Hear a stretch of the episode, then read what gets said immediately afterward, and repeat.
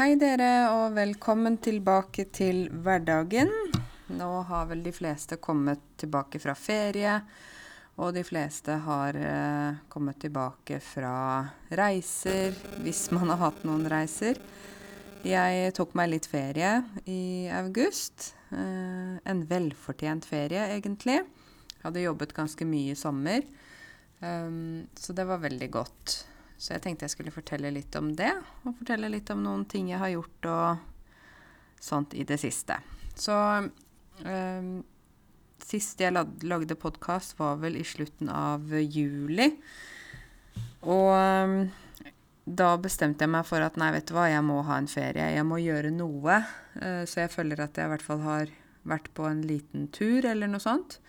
Så jeg uh, dro til København. Det føltes som jeg dro til eh, et land langt, langt borte. For eh, jeg har jo ikke reist siden jeg var på YouTube-studios i London i Når var det? Var det februar eller noe sånt? Og jeg pleier å reise veldig mye, og jeg er veldig glad i å reise.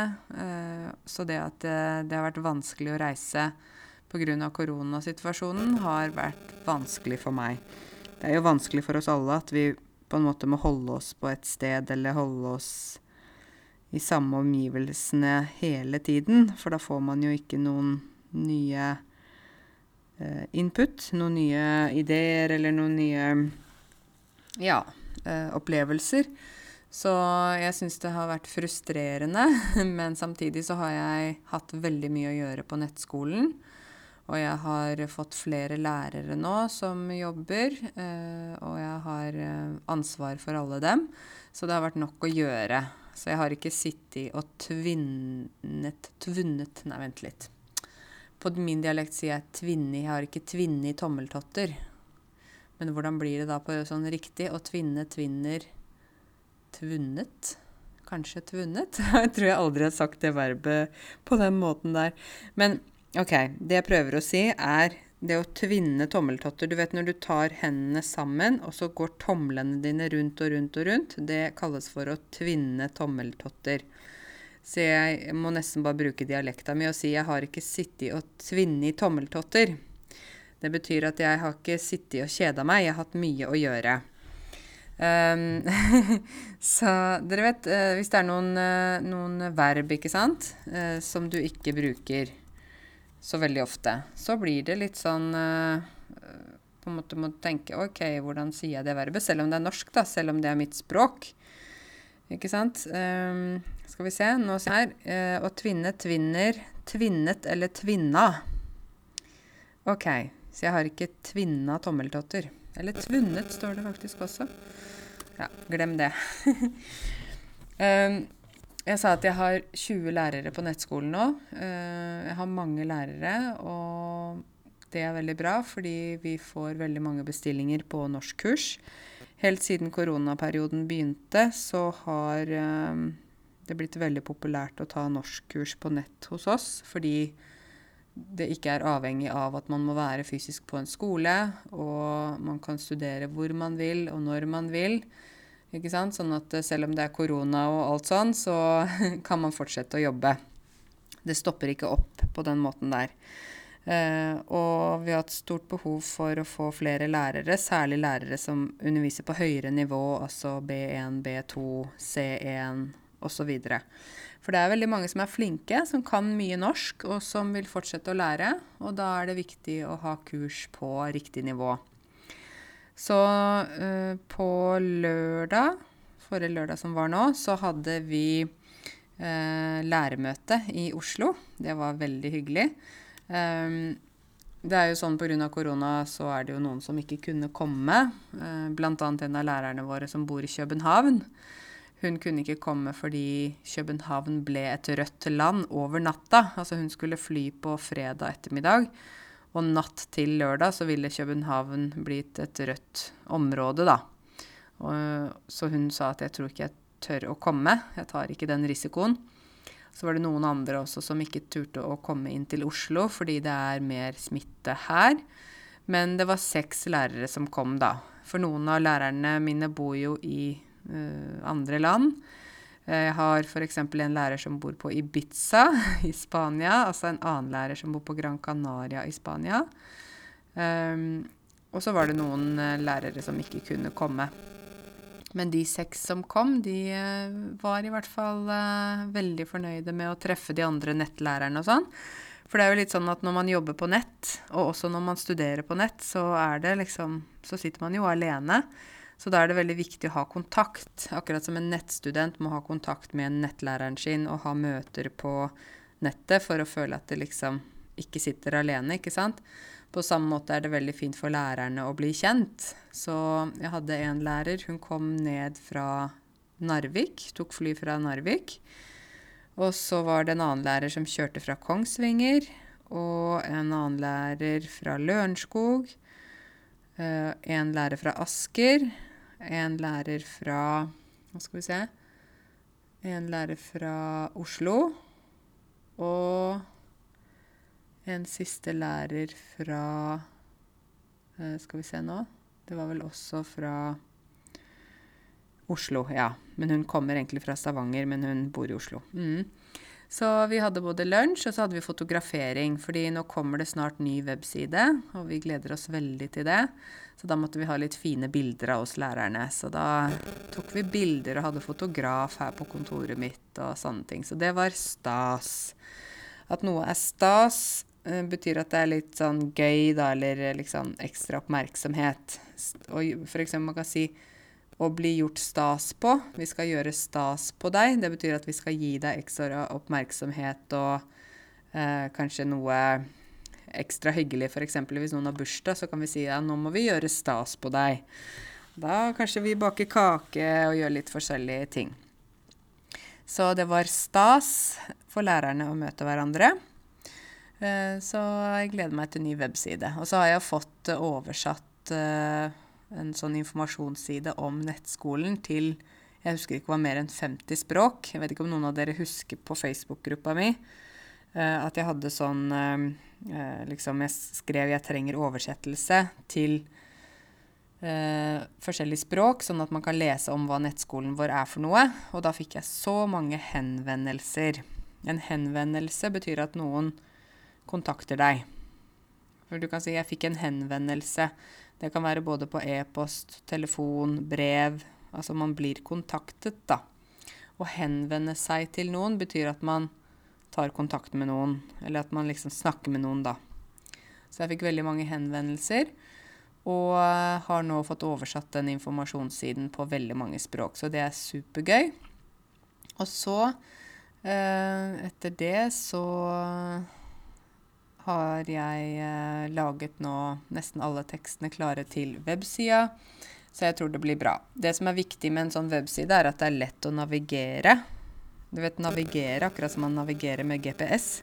Så skal man også navigere på en webside, sier vi. Så det skal være lett å navigere, lett å forstå, lett å lese informasjon. Så det er jeg veldig opptatt av. Så jeg tror det blir bra. Men jeg skal ta dere tilbake til København. nå nå snakket jeg om noe helt annet, så nå jeg kan si at nå var jeg på bærtur. Nei, jeg var ikke på bærtur, da, men jeg snakket om andre ting enn det jeg skulle. Og det skjer jo av og til. København, dere. København er jo en veldig fin by.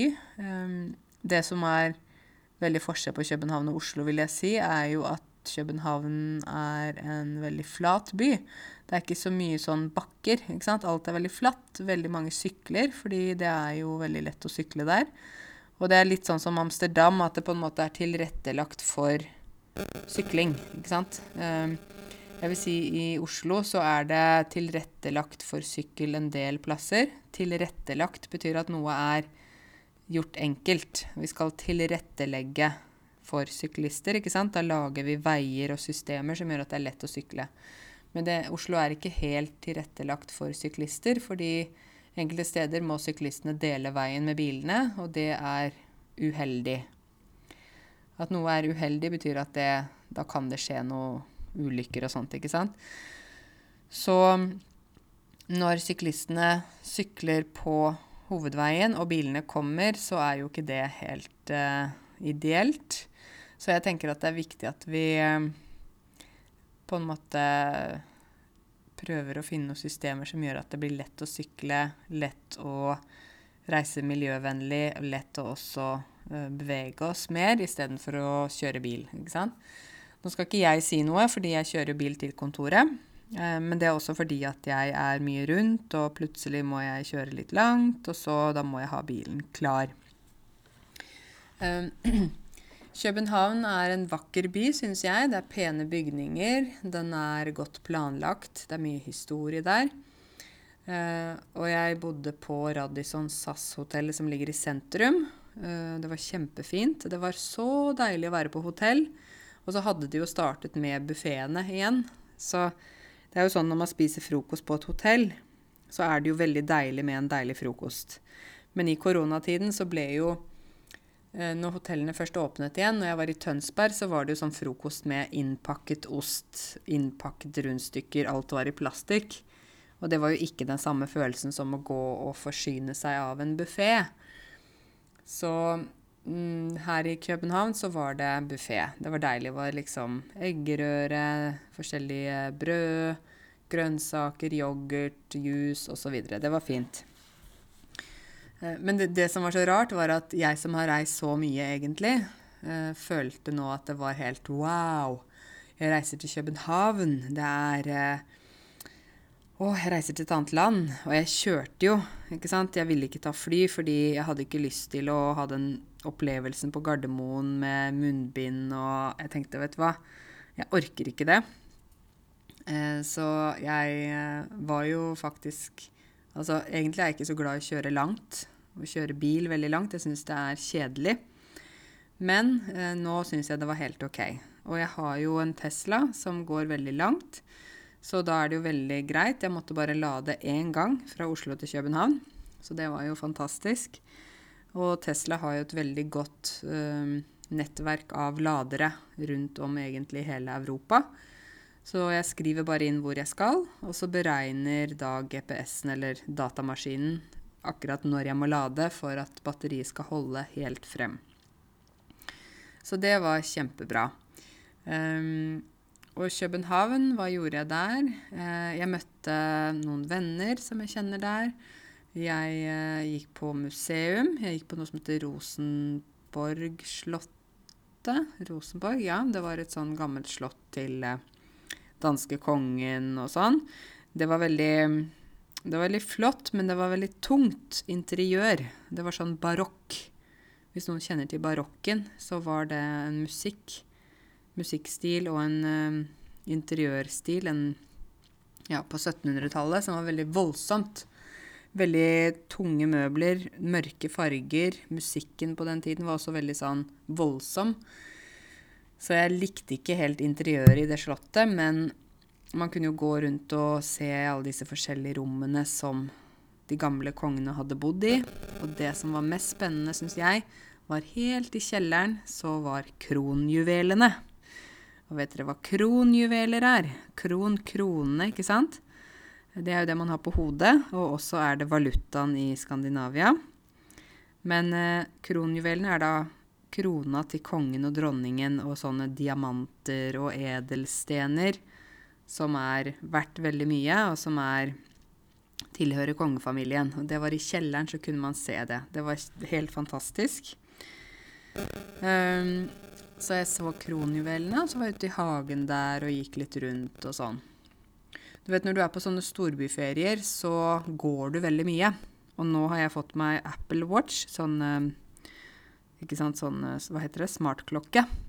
Og etter jeg fikk den klokka, så har jeg blitt mye mer bevisst på hvor mye jeg beveger meg, hvor mye jeg står oppreist, hvor mye jeg trener. Så den er veldig fin. Og da kunne jeg følge med på antall skritt ikke sant, hele dagen. Så da var det jo sånn 22 23 og 24 000 skritt. Veldig mange skritt.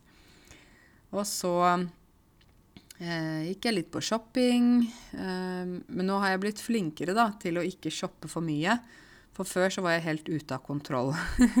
jeg var en shopaholiker. Jeg elsker sko. Det kommer jeg alltid til å gjøre. Og jeg kunne kjøpe sko til den store gullmedalje. Det er uttrykk. Det betyr å gjøre noe til den store gullmedalje betyr at man gjør noe veldig mye, veldig voldsomt, liksom. Så jeg kunne kjøpe sko til den store gullmedalje. Betyr at jeg kunne bare kjøpe ekstremt mange par med sko. Um, så jeg har liksom slutta med det. Jeg har begynt å bli litt mer fornuftig, uh, kanskje. Det handler jo også om at jeg har pusset opp en del hjemme, og det koster en del penger, ikke sant. Så når man gjør sånne type investeringer, så kan man ikke shoppe vilt. Man må ha litt kontroll. Så det er litt deilig, egentlig, fordi jeg har utrolig mye klær. Utrolig mye sko, vesker, sminke, jeg vet ikke hva. Og jeg trenger ikke mer. Uh, og jeg er sånn Jeg kan ta på meg uh, et nytt plagg. Et plagg er da uh, noe klær, om det er bukse eller skjorte, T-skjorte, genser. Det er et plagg. Så jeg kan ta på meg et nytt plagg hver dag i Jeg vet ikke. Sikkert ja, sikkert et år. Altså jeg kan ha nye klær hver dag. så det er ikke noe synd på meg, og jeg trenger ikke mer. Så det er jammen bra at jeg har klart å bli litt mer fornuftig. Det er jo også litt sånn, vi sier på norsk at det er litt kvalmt å shoppe så mye. At noe er kvalmt, betyr at man blir kvalm. Man blir liksom åh, nesten dårlig av å tenke på det forbrukersamfunnet. Man forbruker mye, man Altså, det er på en måte det er jo ikke bra at man bare bruker og bruker og kaster og bruker og kaster, ikke sant? Vi kaller det for bruk og kast-kultur, eller ukultur. Bruk og kast-samfunn. Så vi må jo prøve å unngå den bruk og kast-kulturen, for det er jo skadelig, mener jeg. Vi må heller prøve å ta vare på de tingene vi har, da. Og nå er det jo sånn at jeg kjøper heller ett par veldig gode sko enn å kjøpe mange par sko som har dårlig kvalitet. Så føtter er jo viktig, og de skoene vi går i, de sant? At vi har gode sko, det går tilbake til hele kroppen. For hvis føttene har det bra, så har ryggen det bra, så har nakken det bra, så har hele kroppen det bra. Men hvis um, skoene er dårlige, så får man vondt i føttene, vondt i ryggen og mange ting. Så sko er veldig viktig. Gode sko. Jeg var også på tivoli i København, og det er fantastisk, dere. Hvis dere ikke har vært der, så må dere dra dit. Det tivoli er veldig gammelt. Det er vel fra jeg vet ikke 1800-tallet en eller annen gang. Uh, og det er veldig vakkert. På tivoli så kan du kjøre karuseller. Ta karuseller. Kjøre karusell, ta karusell. Det er sånne både nye og gamle karuseller. Og så er det mange restauranter. Eh, det er eh, butikker. Det er eh, show, sånn teater og sånn. Jeg så på pantomime. Det er jo sånn type teater uten at de snakker, ikke sant? Det var veldig morsomt. Og ja, det er veldig stemningsfullt. At noe er stemningsfullt, betyr at det er koselig, det er god atmosfære, det er veldig sånn Ja, man får en veldig sånn god følelse når man går der inne. Det er sånn spennende. Og helt på slutten av eh, kvelden så var det sånn show på Det er en sånn slags liten innsjø der. Dere vet en innsjø er Eller vi kan si et lite vann, da. Det er sånn som er i skogen, ikke sant. Så er det vann plutselig midt inne i skogen. Så det var et sånn vann der, og så var det sånn um, lysshow. Litt sånn som det er i Dubai, hvis noen av dere har vært uh, i Dubai og sett det lysshowet ved Burj Khalifa. Det er veldig verdens høyeste bygg. ikke sant? Det var sånn lysshow med musikk og sånn, så det var kjempeflott. Jeg uh, tok masse fine bilder, og ja, det var veldig, veldig fint. Så tivoli i København er en veldig fin opplevelse. På dagtid så er det for familier, og på kvelden er det veldig fint hvis man er, går dit med venner, eller hvis man er et kjærestepar, ektepar, eller noe sånt. Så det var veldig fint. Eh, og ellers i København, hva gjorde jeg? Eh, jeg var vel bare litt rundt. Jeg gikk ganske mye. Jeg gikk på forskjellige restauranter. Bare, jeg tror det var bare hele følelsen av å bare være et annet sted enn Oslo. Det var sånn åh, fantastisk. så før så har det vært sånn Ja, men København er ikke noe spennende, det er jo bare Danmark. Men nå var det å, wow, Danmark, wow, jeg skal reise til Danmark. Så ting har jo forandret seg litt, da. Jeg hadde jo egentlig et ønske om å reise til Sør-Korea i våres. Våres betyr denne våren. Um, så jeg hadde lyst til det, men korona, ikke sant. Det ble ikke noe av Sør-Korea. Jeg har veldig lyst til å reise dit en dag likevel. Uh, og jeg har lyst til å reise til mange steder, egentlig, men det er bare Det er ikke så lett akkurat nå. Uh, men jeg har reist litt i Norge i sommer. Uh, da jeg kom tilbake, hadde jeg vel en uke eller noe sånt da jeg var i Oslo. Og så skulle jeg ut på norgesturné. norgesturné, det er sånn som man sier når artister eller band reiser rundt og har konserter.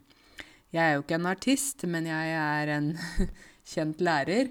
Så jeg hadde fått forespørsel fra tre forskjellige kommuner om å holde foredrag på planleggingsdagen til voksenopplæringer.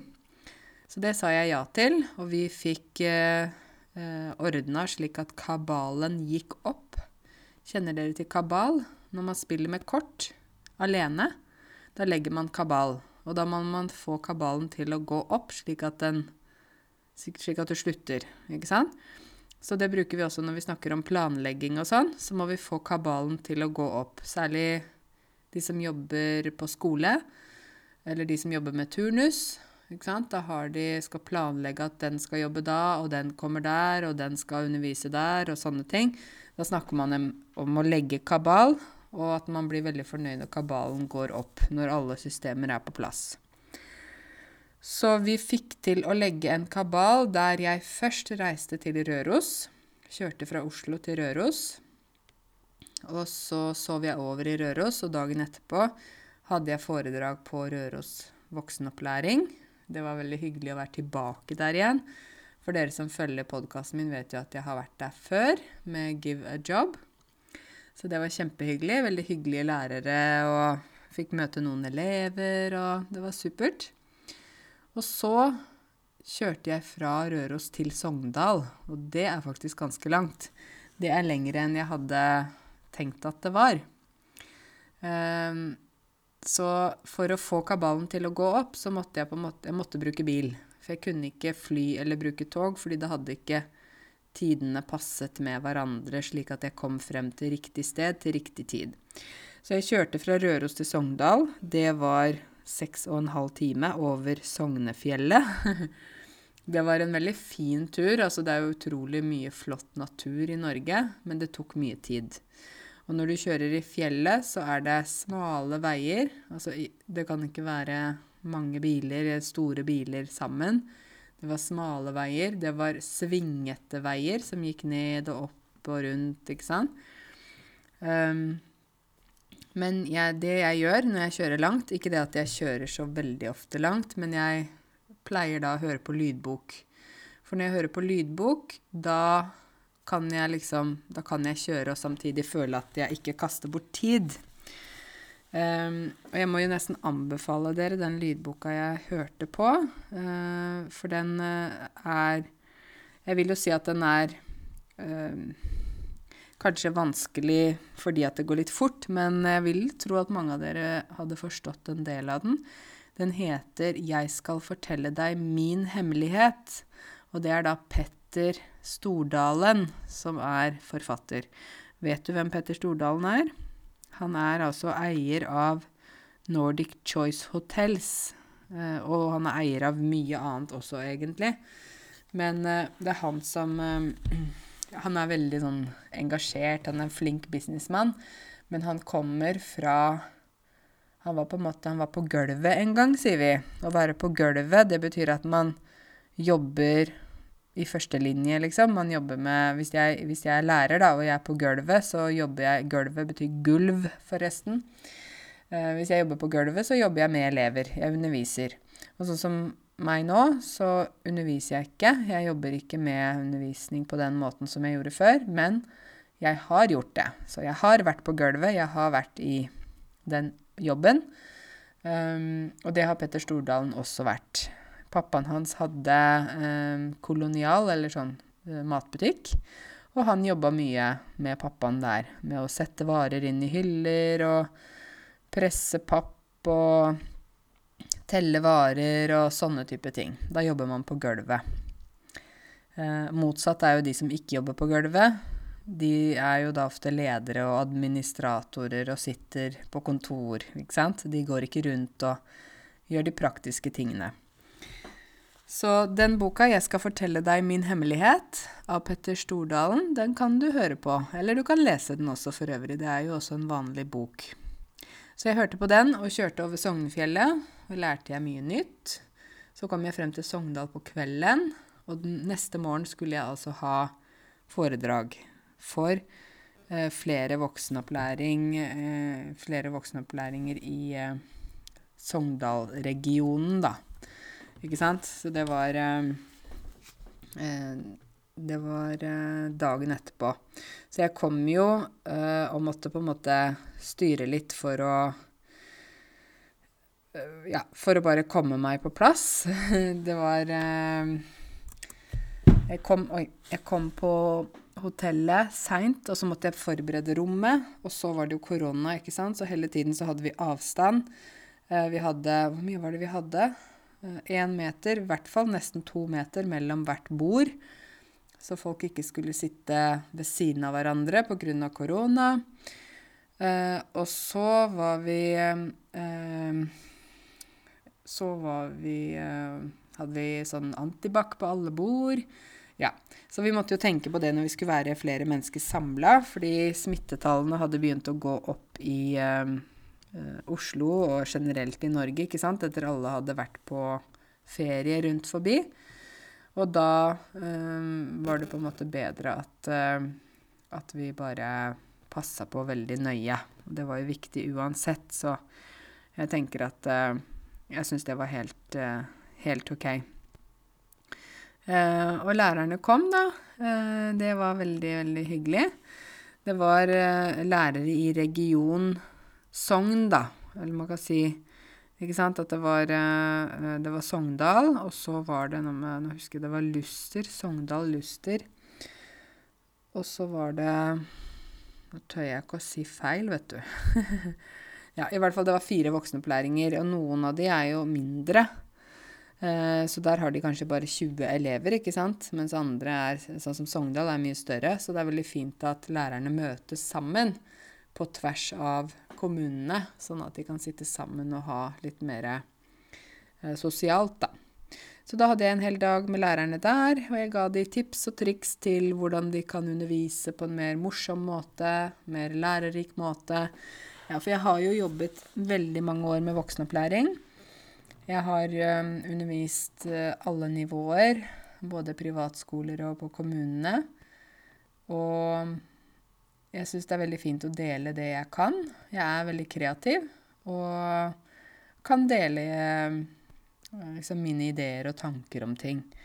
Det er mye lettere når jeg reiser rundt til steder som ikke er min arbeidsplass. For jeg har jo sett når jeg har jobbet på steder, så har det fort kunnet bli litt sjalusi eh, av andre lærere som eh, ikke vil at jeg skal få mer oppmerksomhet enn dem. Og da er det ikke sånn at de sier og ikke ha så mye oppmerksomhet eh, på karense. Men det de gjør, er at de på en måte ja, ikke vil høre på ting jeg sier, eller unngår meg, eller Det er en sånn norsk måte å vise sjalusi på, kanskje, da. Men det er et uttrykk vi sier at man kan ikke være profet i eget land. Forstår du hva jeg mener da? Sånn at eh, hvis jeg jobber på en voksenopplæring, og så skal jeg fortelle mine kollegaer hva jeg gjør, og hva som er bra, og hva som fungerer, så vil ikke de De er ikke interessert i å lytte til meg. Fordi eh, vi er kollegaer, vi er i liksom samme land, da. Så jeg kan ikke komme og fortelle dem ting. Men hvis jeg går til en annen voksenopplæring, da er det mye lettere for de lærerne å høre på meg, fordi jeg er ikke deres kollega. Jeg er ikke deres nærmeste, ikke sant. Jeg kommer utenifra og forteller dem om ting, og så går jeg igjen. Så det er litt interessant, da. Eh, men i hvert fall, det var veldig fint å være sammen med de lærerne på Sogndal der. Jeg tror de lærte mye. Jeg ga de mange tips. Og så etter jeg var ferdig på Sogndal, da dro jeg rett til Nordfjordeid. Da kjørte jeg dit, og da måtte jeg ta eh, ferje, blant annet. Eh, og der var det Jeg tok ferje, så var det eh, sånn at man kjører båten, bilen inn på båten, og så eh, skanner de Jeg tror de skanner bilskiltet, så får du vel en faktura etterpå. Og så satt jeg da i bilen i kanskje 20 minutter. Så gikk jeg ut av bilen og så litt og, og sånn. Og så kom jeg da over til uh, uh, Ja, hvor var det da? Det var vel Nordfjord? Nordfjordeid. Og så kjørte jeg til hotellet. Så det var veldig fint. Og der på Nordfjordeid hadde de veldig gjort et, lagd til et kjempefint rom på hotellet. Kjempestort. For der skulle det også være um, Der skulle det også være lærere fra flere eh, voksenopplæringer, da. Så det var eh, Det har jeg skrevet ned faktisk her. Så det var da altså Stryn, Stad og Gloppen og Bremanger voksenopplæring. Så der var det fire. så eh, da gjorde jeg det samme igjen. Uh, og så hadde jeg litt fokus på dette med nynorsk. Det hadde jeg også da jeg var i Sogndal. Uh, og de sa jo at ja, men vi kan ikke bruke det inn i videokarense fordi uh, det er bokmål, og vi er nynorskkommune, så alt vi gjør er på nynorsk. Og da tenkte jeg at ja, men da ja, må jeg gjøre noe med det. Jeg må kanskje lage noen videoer med nynorsk. Jeg er jo ikke så veldig god i nynorsk, men jeg, jeg kan jo hvis jeg vil. og så kan jeg for eksempel Ja, jeg kan ta noen lærere inn og lage noen videoer om dialekt. Det har jeg tenkt til, da. Eller sånn dialektvideoer. Jeg tror det vil bli veldig populært. Hva tror dere? Hvis dere tenker at det er en god idé, så si gjerne ifra til meg. Eh, for jeg tror at det blir veldig spennende å høre på forskjellige dialekter. At vi snakker om forskjellene, ikke sant. Og det er jo sånn når jeg snakker på video og podkast og sånn som nå, så er det jo ikke sånn jeg egentlig snakker. Det er ikke min egentlige dialekt. Altså min egentlige, opprinnelige dialekt er annerledes. Uh, og jeg merker når jeg reiser rundt, så snakker jeg mye breiere, da. Å snakke bredt betyr at man um, ikke snakker pent. Så hvis jeg skal snakke dialekt nå Dialekt, da blir det ikke dialekt, men dialekt. Hvis jeg snakker dialekt til dere, så er det sånn at jeg Altså, det kan jo hende jeg hører litt annerledes ut, eh, og jeg tror at jeg får et litt annet tonefall, f.eks. Um, det er jo en del ord som jeg kutter, og så er det mye a-endinger på verba. Som f.eks. jeg har jobba, eh, og en del verb får også sånn i-endinger. Jeg har skrivi, jeg har eti. Um, og så er det mye sånn at jeg drar sammen orda, f.eks. jeg hakke, kanke, vikke. Og så mye det der med my, ikke sant? Ikke mye. My. My det der med eh, hvor, hvor, vi legger trøkket på orda. Hvis jeg skal snakke sånn som jeg snakker i Oslo, trykket på ordene. Trøkket på orda. Du hører at det er mye breiere. Det er mye mer sånn røft. Ikke sant? Vi sier jo på min eh, dialekt, så sier vi dialekt, ikke dialekt. Vi sier økonomi, ikke økonomi. Vi sier eh, konfirmasjon, ikke konfirmasjon. Ja, så det er en del ting. Nå går jeg tilbake til å snakke sånn som jeg pleier å snakke, men dette med dialekter er jo interessant fordi det er veldig store variasjoner. Vi har veldig mange dialekter i Norge. Og med dialekt så følger det også med kultur, ikke sant? Fordi eh, dialekt er identitet. Dialekt er eh, um, tilhørighet. Sånn at uh, for meg, da, så vi sier at uh, du kan ta jenta ut av landet, men du kan ikke ta landet ut av jenta. Så da mener vi eh, det at jeg kommer fra bondelandet, da. Jeg kommer jo ikke fra Oslo. Jeg kommer fra landet. Landet betyr ikke Norge, men uh, der det er færre folk, også på bygda. Du kan ta jenta ut av bygda, hvis det blir lettere å skjønne det, da. Du kan ta jenta ut av bygda, men du kan ikke ta bygda ut av jenta. Så selv om jeg bor i Oslo, så vil jeg alltid Min identitet er knytta til at jeg vokste opp på landet. Jeg vokste opp på bygda. Det er en del av meg, og det kan ingen ta fra meg. Og for meg så er det viktig, fordi jeg syns at en del folk som kommer fra bygda, er litt mer jordnære. Altså å være jordnær betyr at du har beina på bakken. Du er ikke sånn svever høyt og 'Å, jeg er så fantastisk der oppe', og ja, 'ingen er like bra som meg'. Hvis jeg ikke hadde vært jordnær, ikke sant, så kunne jeg vært motsatt, det vi kaller for litt høy på pæra. Det høres jo veldig rart ut, da. Å være høy på pæra betyr at man er litt sånn høy på seg selv. Man blir sånn å ja, ja, men jeg er YouTube-stjerne, jeg, så jeg Nei, altså, jeg er kjendis, og veldig mange kjenner til meg, og det er mange tusen som vet hvem jeg er, og ja, jeg er veldig populær, og jeg er jo ekspert på mitt felt, og Skjønner du? Det er å være litt høy på pæra. Det, det passer ikke så veldig godt i Norge. I en del land så er det jo vanlig at man skryter eller sier hva man får til, mens i Norge så er jo nordmenn veldig forsiktige med å fortelle hva de får til. De er heller liksom motsatt, da, som heller ikke er bra. At de er sånn stille og liksom Hvis de får toppkarakterer på universitetet, så snakker de ikke om det. Mens i andre land ville man sagt 'Se, jeg fikk A! Jeg fikk beste karakter! Se på mine papirer! Se, se, se på meg!'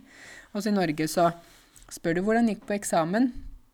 Og hvis noen da fikk toppkarakter, så sier de 'nei'. Ja, det gikk greit. Ikke sant? Tenk å si det. Det gikk greit når du faktisk fikk toppkarakter. Det gikk greit. Og det er sånn Da er du ikke høy på pæra, men du er heller Du er heller liksom mer Hva skal jeg si Det er også litt for mye den andre veien, da. Det å bare liksom ikke applaudere det som er veldig bra. Ikke tørre å si høyt 'Oi, jeg klarte det kjempebra. Jeg er flink.' Liksom. Det er det som jeg snakket om før med janteloven og sånt noe, da, dere.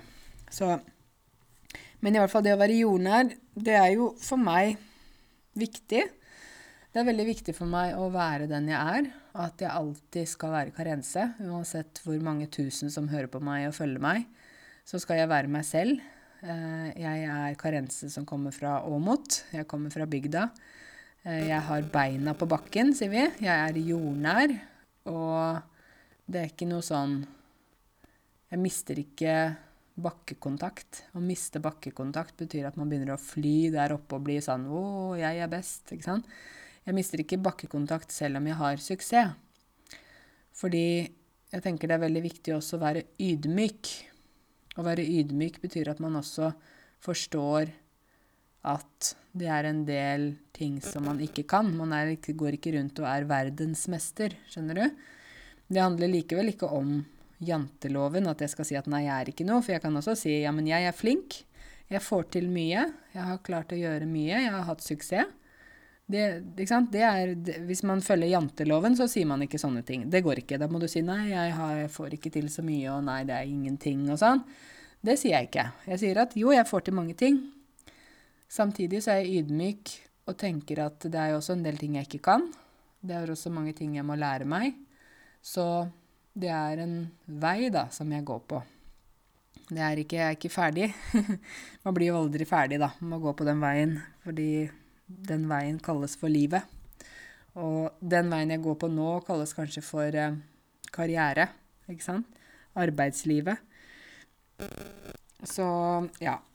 Men i hvert fall, eh, jeg må si at det var utrolig hyggelig å være både i, var, jeg var i, på Røros. På Røros, sier jeg da, fordi at Røros ligger litt oppå fjell. Så jeg var på Røros, og så var jeg i Sogndal, og så var jeg i Nordfjordeid. Det var helt fantastisk hyggelig. Eh, veldig mange hyggelige lærere. Veldig flott å se eh, hvordan folk jobber for at folk skal lære seg norsk. Det er alltid gøy å bli kjent med eh, folk som jobber på samme felt innenfor samme felt. Et felt betyr liksom Vi sier fagfelt, altså uh, innenfor samme tema, da. Så vårt felt er jo norskfaget, men et annet felt kan være biologi, ikke sant. Noen jobber på biologifeltet, noen jobber med teknologi, de jobber på teknologifeltet. Så det er på en måte noe som er uh, veldig fint å møte andre som jobber på samme felt, da. Det setter jeg pris på.